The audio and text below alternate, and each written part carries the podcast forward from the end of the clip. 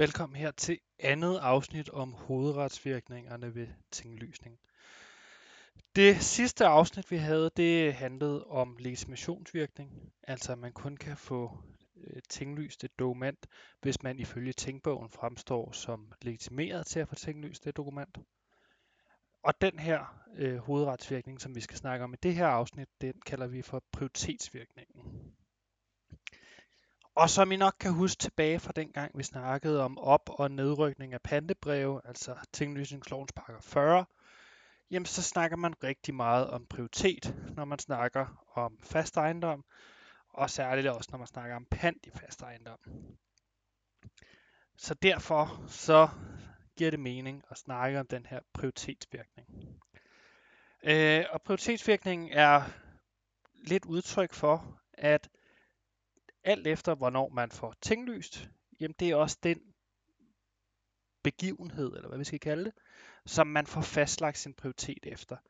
Igen, som vi snakkede om tilbage, da vi snakkede øh, uh, tinglysningslovens 40, jamen så udgangspunktet er, at man har den her formelle prioritetsstilling, der bliver fastlagt efter, hvornår man er tinglyst. Den kan så ændres til det, der vi kalder for den materielle prioritetsstilling, som er den, der ligesom er, efter man har kigget på, om der er nogen, der har rykket op eller ned, om der er indbrudspant osv. Men alle prioritetsstillinger, de starter altså med den formelle prioritetsstilling, og den formelle prioritetsstilling er et resultat af den her hovedretsvirkning, som vi kalder for prioritetsvirkningen. Og de bestemmelser, der er relevant i det her afsnit, det er tinglysningslovens paragraf 1, og så tinglysningslovens paragraf 5. Hvis vi starter med tinglysningslovens paragraf 1, så fremgår det af den bestemmelse, at enhver ret over fast ejendom, den skal tinglyses for at få gyldighed mod aftaler øh, og mod retsforfølgning. Det vil altså sige, at hvis man først har fået tinglyst en ret over en fast ejendom, jamen så er man sikret mod ekstinktion. Det er også det, man kan kalde for øh, defensiv tinglysning. Fordi hvis man ligesom først har fået tinglyst sin egen ret, jamen så er den defensivt forstået på den måde, at der ikke er andre, der kan komme og skubbe en væk. På den anden side, så har vi det, vi kalder for offensiv tinglysning. Det er det, der er beskrevet i paragraf 1 stykke 2.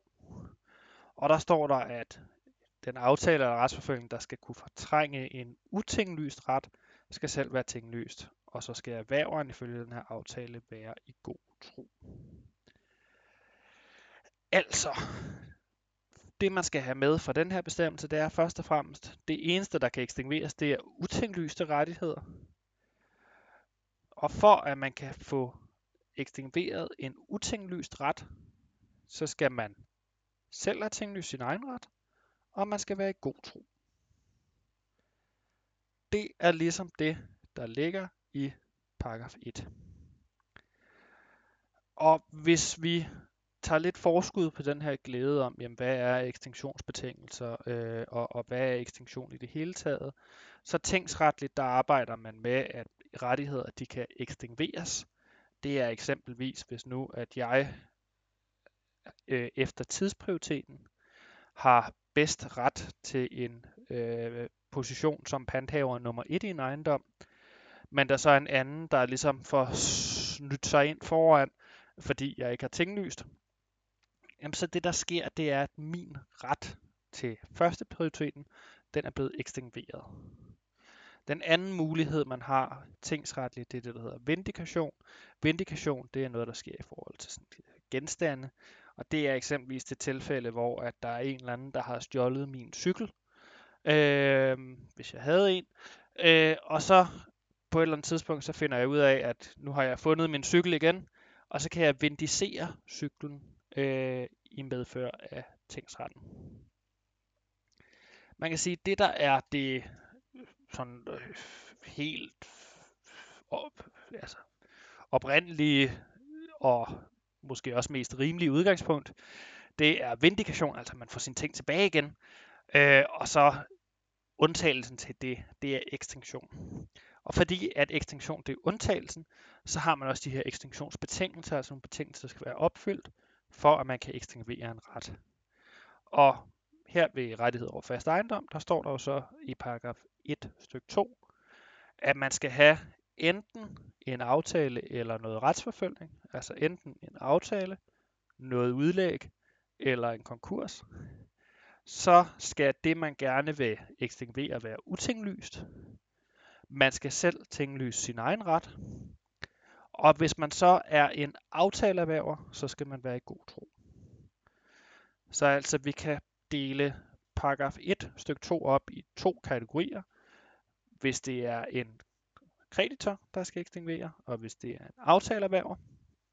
Hvis vi starter med aftaleerhververen, så skal aftaleerhververen have en gyldig aftale.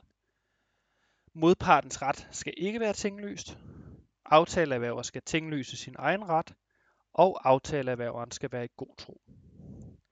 Hvis derimod den, der gerne vil ekstinguere, er en kreditor, så skal kreditoren have en gyldig stilling som kreditor, altså man skal enten have et udlæg eller en konkurs.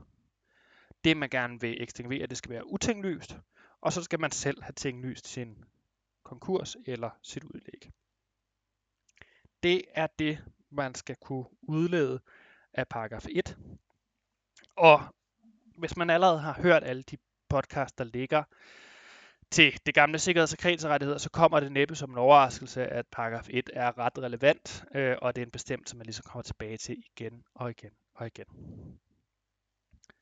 Så altså, prioritetsvirkningen, den indtræder, når man har tinglyst, og så er der den her mulighed for at eksekvere. Så sagde vi, at en aftaleerhverver, den skulle være i god tro for at kunne ekstinguere. Og så kan man overveje, jamen, hvad pokker ligger der i at være i god tro.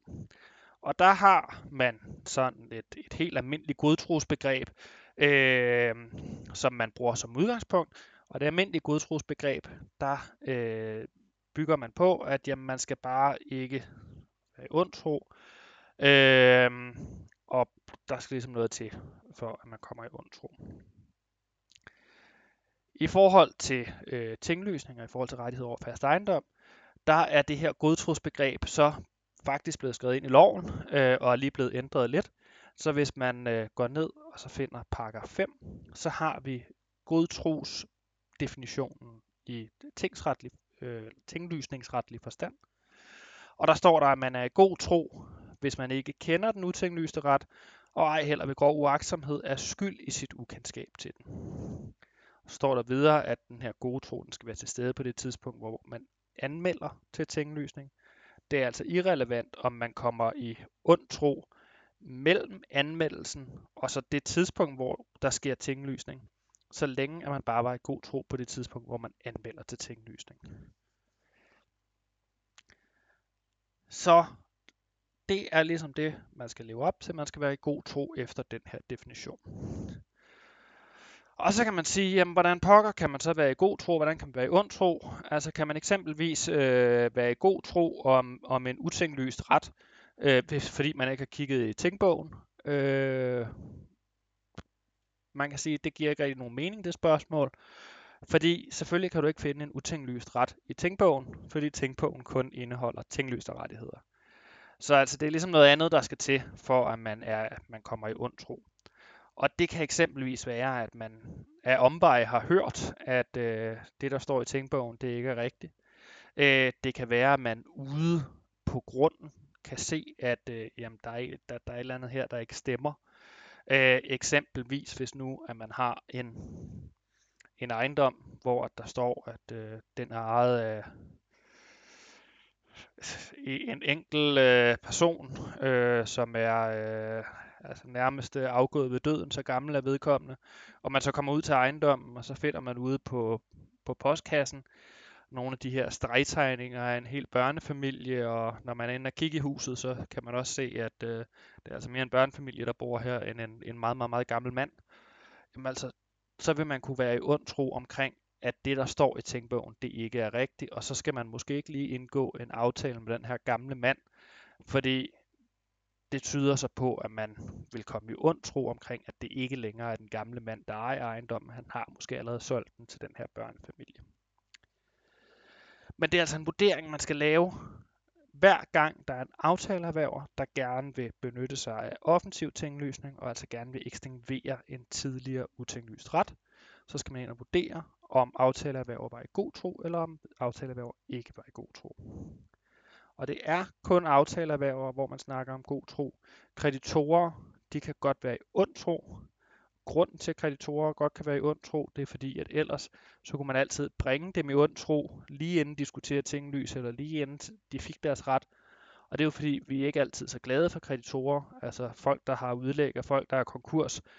Det er ikke det, som folk de står i kø for at, at få foretaget. Og derfor så vil man meget hurtigt, hvis det var muligt, at man bare kunne bringe dem i tro, og så kunne de ikke gøre noget, så vil man nok fortælle alle sine dybeste hemmeligheder for at bringe dem i ond tro.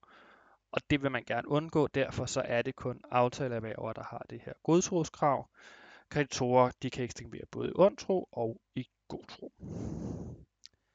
Det var, hvad jeg ville fortælle om prioritetsvirkningen. Altså de relevante paragrafer, det er tinglysningslovens paragraf 1 og tinglysningslovens paragraf 5. Tinglysningslovens paragraf 1 stykke 1 handler om den defensive tinglysning. Hvornår opnår man prioritet i ejendommen? Det gør man på det tidspunkt, hvor man tinglyser. Tinglysningslovens paragraf 1 stykke 2 handler om den offensive tinglysning, hvor at man har en tidligere ikke tinglyst ret, øh, som skal ekstingueres. Hvordan gør man så det? Jamen det gør man ved at have en aftale, øh, tinglyse sin egen aftale og være i god tro om den tidligere aftale. Og hvis man er kreditor, så skal man bare have en gyldig stilling som kreditor og have tinglyst den her gyldige kreditorstilling, så er man ligesom home safe.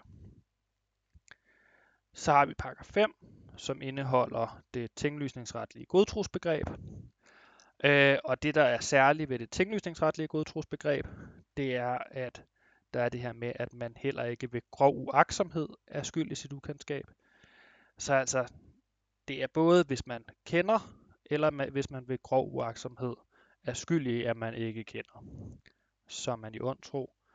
Øh, og man skal som sagt være i god tro, for at man kan tinglyse.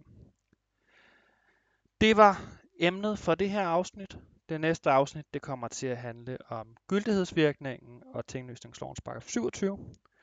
Vi høres ved.